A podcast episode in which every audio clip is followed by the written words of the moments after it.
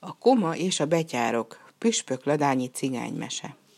Volt, hol nem volt, ha nem lett volna, én sem mondanám, volt egy szegény cigány. Annak a szegény cigánynak annyi gyereke volt, mint rostán alik, még annál is egyel több. A falujában már mindenki a komája volt. Az utolsó gyereknek a pap volt a keresztapja. Megegyezett a komájával, olyan egyességet kötött vele, hogy minden reggel ad neki egy pengőt, ha elmegy, komám jó reggeltet kívánni. Akkor nesze pengő.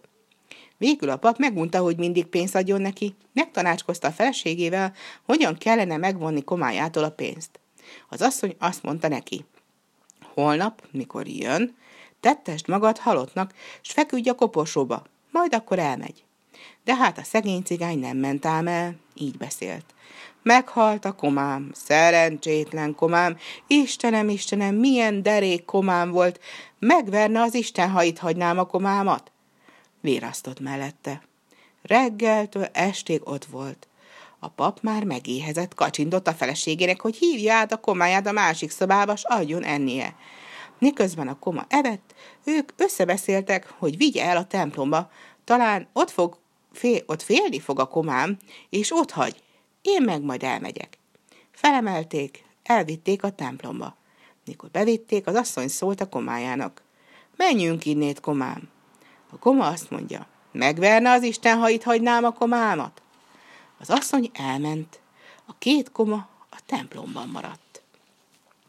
Majd éjfélkor 24 betyár összebeszélt. Gyerünk, törjük fel a templomot!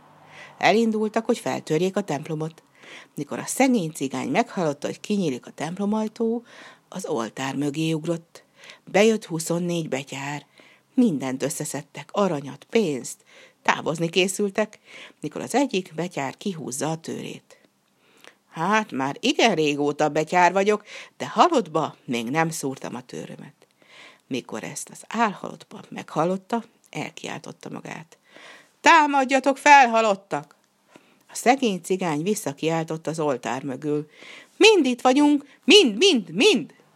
A betyárok mind elszaladtak, ott hagytak mindent. Aj, komám, te mentetted meg az életemet! Adjon Isten egészséget, boldogságot! Most már igazi komák leszünk!